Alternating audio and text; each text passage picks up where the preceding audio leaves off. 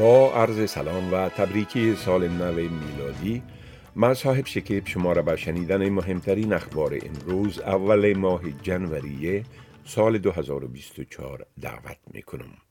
گروهی عظیم از مردم دیشب در نقاط برجسته شهر سیدنی گرد هم آمده و آتش بازی با شهرت جهانی شب سال نو این شهر را با شور و شعف سنتی تماشا کردند.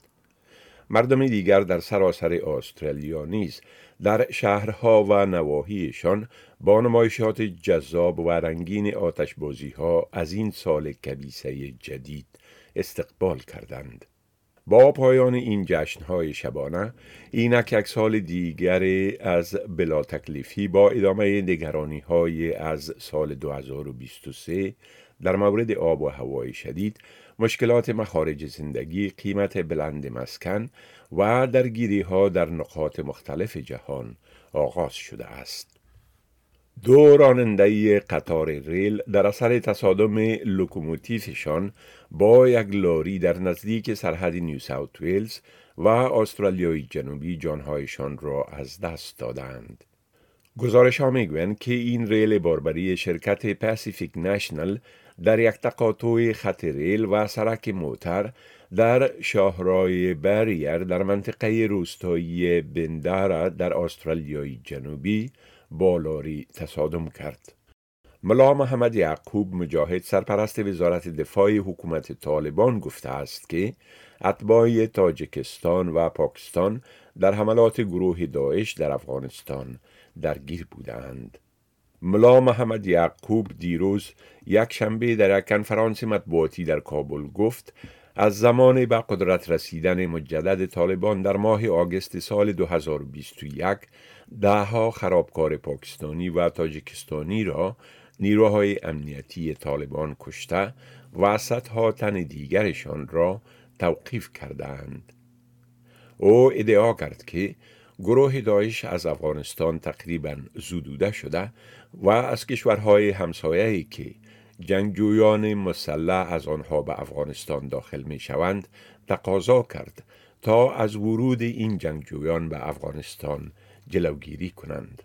سازمان حمایت از خبرنگاران افغانستان گفته که وضعیت خبرنگاران افغان در پاکستان و ایران با فیصله این دو کشور در مورد اخراج افغانهای فاقد مدرک اقامت وخیمتر شده است. در یک گزارش این سازمان گفته شده که نهادهای مسئول توقیف و اخراج پناهجویان افغان در ایران و پاکستان توجهشان را به صورت خاص بر ژورنالیستان متمرکز می کنند چون آنها صدای مهاجرین و برخورد غیر انسانی با آنان را بلند خواهند کرد. به گزارش بی بی سی این سازمان که مقرش در آلمان است با تماس با خبرنگاران افغان مقیم ایران و پاکستان این گزارش را تهیه کرده و گفته است که آنان با سرنوشت نامعلوم روبروند. ساکنین و دکتران در مرکز غزه می گویند که جتهای اسرائیل حملاتشان در آن منطقه را تشدید کرده و همچنان برخوردها در میان آوار شهرها و کمپهای آوارگان ادامه دارد. بنیامین نتانیاهو صدر اعظم اسرائیل گفته که جنگ جاری در غزه برای ماهای بیشتر ادامه خواهد یافت. این اظهارات آقای نتانیاهو امید توقف کارزار جنگی را که تا حال هزاران نفر را کشته و بخش اعظم غزه را با خاک یکسان کرده از بین برده است.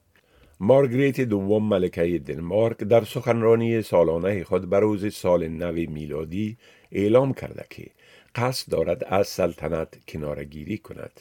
با کنارگیری این سابقه دارترین ملکه از 15 جنوری پسرش ولیحت فریدریک پادشاه و خانم استرالیاییش شادخت میری ملکه خواهد شد.